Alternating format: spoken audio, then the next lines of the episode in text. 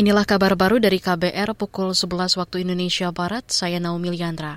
Menteri Pendidikan, Kebudayaan, Riset, dan Teknologi Nadiem Makarim menyoroti ketersediaan buku-buku di perpustakaan sekolah yang materinya tidak sesuai minat siswa.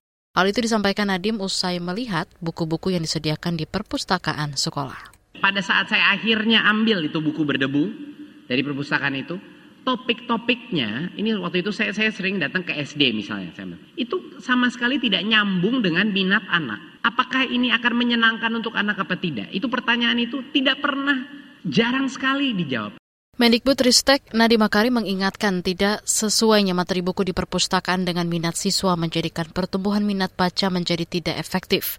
Nadiem juga mengakui buku-buku yang tidak sesuai minat baca siswa di perpustakaan sekolah ada yang berasal dari Kemendikbud.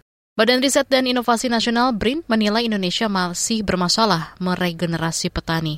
Apalagi saat ini, kata anggota Dewan Pengarah BRIN Marsudi Wahyu Kisworo, mayoritas petani sudah berusia lanjut sedangkan proses regenerasinya justru mengkhawatirkan. Survei yang pernah kami lakukan, itu jumlah petani yang umurnya di bawah 50 tahun, itu tinggal 40 persen. Yang 60 persen itu sudah kakek-kakek, nenek-nenek yang udah nggak kuat ngapa-ngapain begitu jadi petani. Yang muda-muda nggak mau jadi petani. Survei yang berikutnya, ketika seorang anak muda, anak petani, kita tanya, mau jadi petani atau tidak? Dari 100 orang, hanya tiga yang cita-citanya jadi petani. Anggota Dewan Pengarah BRIN Marsudi Wahyu Kisworo mengingatkan agar regenerasi petani harus terus dilakukan karena kebutuhan pangan meningkat setiap tahun.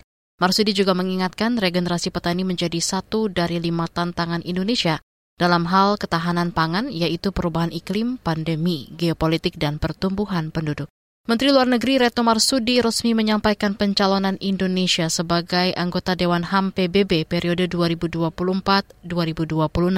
Mengangkat tema Inclusive Partnership for Humanity atau Kemitraan Inklusif untuk Kemanusiaan, Indonesia ingin menegaskan kembali komitmennya terhadap penegakan HAM.